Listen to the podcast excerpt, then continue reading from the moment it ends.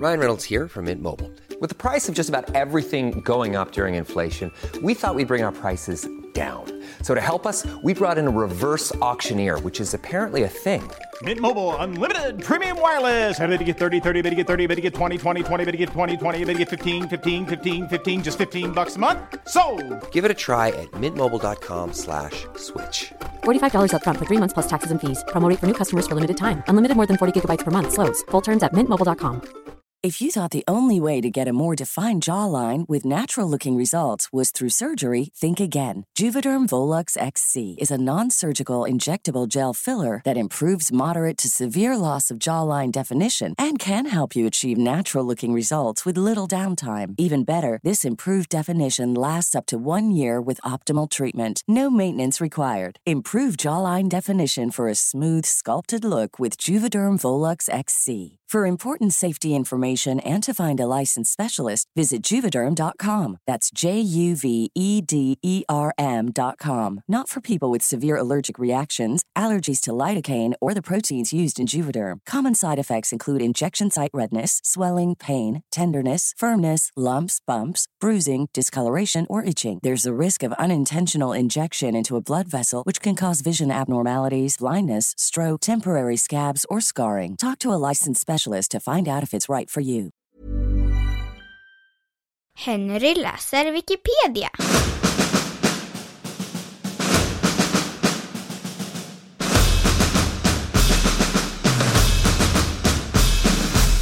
Frans Otto Eriksson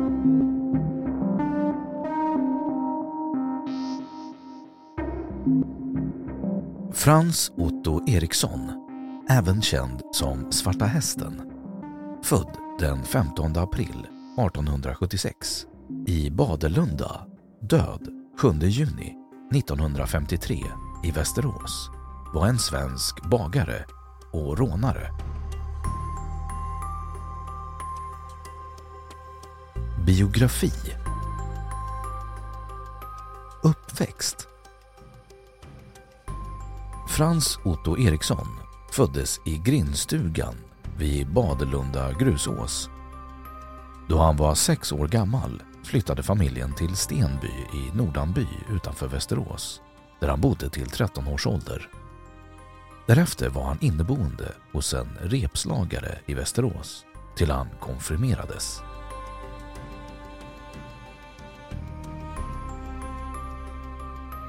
Utbildning och yrkesverksamhet efter konfirmationen blev han gesäll hos en bagare i staden. I början av 1890-talet flyttade Eriksson till Stockholm där han arbetade hos olika bagare till 1898 varefter han flyttade till Gnesta. Runt sekelskiftet 1900 flyttade han till Obbola där han arbetade hos en handlare under ett år. Eriksson blev sen handelsresande men gled snart över i lösdriveri. I juli 1907 fick han anställning hos en bagare i Vretstorp och ägaren ansåg Eriksson vara mycket yrkesskicklig. Erikssons företrädare avskedades på grund av att ha misskött sitt arbete och varit berusad på arbetet.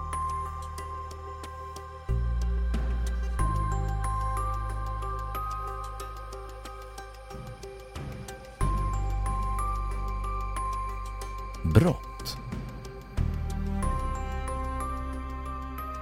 I september 1900 lånade Eriksson en kostym av en god vän. Men då han inte lämnade tillbaka den blev Eriksson polisanmäld. För detta dömdes han av Västerås rådhusrätt till två månaders fängelse för snatteri och förskingring. Den 8 juli 1904 dömdes han för andra gången för snatteri efter att ha stulit kläder i Haverö. Även denna gång fick han två månaders fängelse som han avtjänade på länscellsfängelset i Sundsvall. I januari 1905 stal han och en bekant, som vid tillfället båda var berusade, tre hummerkonserver i Sollefteå. Detta ledde till två månaders fängelse och blev denna gång också till förlust av medborgerligt förtroende i ett år. Förlust av medborgerligt förtroende, eller vanfrejd, är en äldre term för att förlora sin goda frejd, den aktning och trovärdighet som tillkom en fläckfri och hederlig medborgare. Eriksson avtjänade sitt straff på Länshällsfängelset i Härnösand. I juli 1907, efter att Eriksson anställts som bagare i Vretstorp, kom han i delo med sin föregångare på platsen. I det slagsmål som uppstod mellan föregångaren och Eriksson bröt föregångaren benet.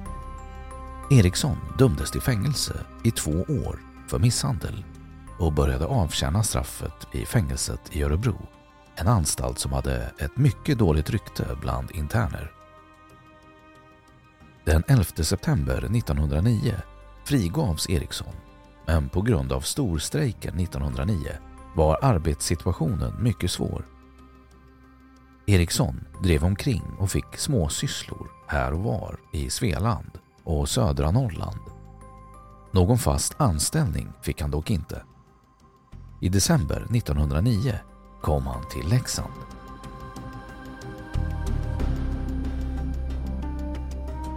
Dubbelmordet i Leksand.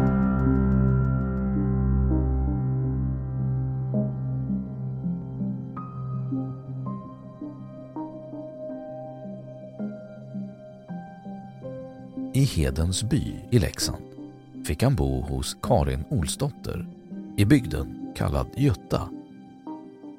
Här bodde också luffaren Fredrik Alfred Westlund, vanligen kallad Lövstalunsen. Olsdotter levde ett promiskuöst liv och hade ett grundmurat dåligt rykte i bygden. Hon hade fått reda på att den tidigare korporalen Daniel Dunder och hans hustru Kerstin nyligen sålt sin sista ko till en granne och fått bra betalt för den. Vare sig Eriksson, Olsdotter eller Westlund hade några pengar att tala om och under kvällen den 11 december kom idén upp om att råna paret Dunder. För att undgå identifiering beslöt man att förgifta åldringarna. Westlund skulle genomföra själva förgiftningen genom att ge Dunders kaffe spetsat med arsenik medan Eriksson och Olsdotter skulle stå på vakt. Allt gick som planerat och man hjälptes åt att städa upp efter mordet. För att röja undan spåren efter sig la man en strumpa på vedspisen eftersom man hoppades på att det skulle se ut som om Dunders skulle ha avlidit av kolmonoxidförgiftning.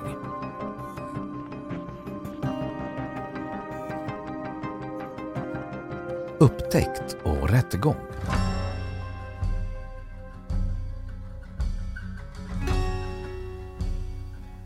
De döda upptäcktes snart av en granne och det dröjde inte länge förrän man kunde konstatera att det rörde sig om mord. Alla tecken pekade snart mot Eriksson, Olsdotter och Westlund och inom några dagar var alla gripna. Strax innan jul fördes de till Falu fängelse och den 10 januari 1910 inleddes förhandlingarna vid häradsrätten i Leksand. Efter flera förhandlingar avkunnades dom den 30 maj 1910. Westlund ansågs ha varit huvudaktör och dömdes till döden för rånmord. Olsdotter dömdes också till döden för anstiftan medan Eriksson fick livstidsfängelse för medhjälp. Den 15 juli samma år fastställde hovrätten domarna som överklagades till Högsta domstolen. Den 28 oktober 1910 ändrades Westlunds och Olsdotters domar till livstidsfängelse. Eriksson och Westlund skulle avtjäna sina straff på Långholmens centralfängelse i Stockholm. Olsdotter på kvinnofängelset i Växjö.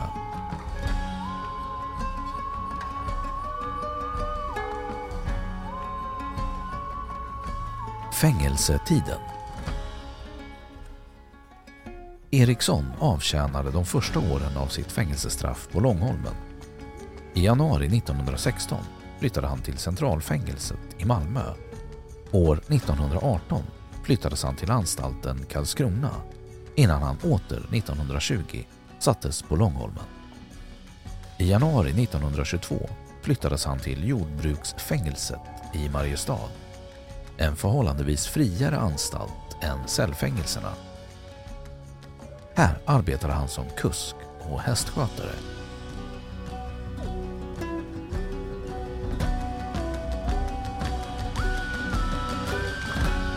Nådeansökningar och frigivning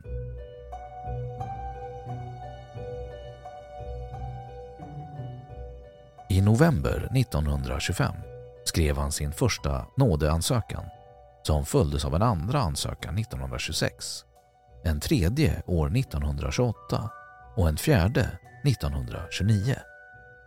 Alla ansökningar möttes med avslag. Eriksson hade ett hetsigt lynne som gång efter annan drog in honom i bråk och detta påverkade myndigheternas inställning till Erikssons nådeansökningar. Fängelsepredikanten i Mariestad menade efter många samtal med Eriksson att han på många sätt var såväl känslig, tillgiven och renhårig och anstaltsdirektören ansåg att Erikssons karaktär byggde på stora motsättningar. Den 31 oktober 1930 skrev han en ny nådeansökan och denna beviljades i november 1930.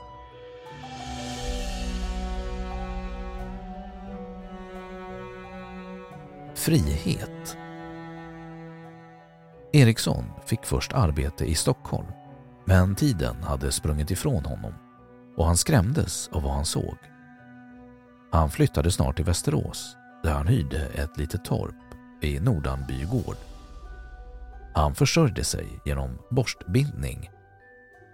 Han led av paranoia och rådfrågade en advokat om det gick att få komma tillbaka till fängelset i Mariestad. Under somrarna ska han åter ha givit sig ut på vägarna och bland annat besökt Dalarna. Så småningom togs Eriksson in på Karlslunds vårdhem i Västerås. Här avled han i cancer den 7 juni 1953. Hans jordfästning ägde rum i kapellet på Östra kyrkogården i Västerås den 10 juni. Den 20 januari 1954 begravdes hans kvarlevor på nuvarande Skogskyrkogården, gravnummer 32 1 34K 22 578. Då har Wikipedia sagt sitt om Frans Otto Eriksson. Och nu källhänvisning.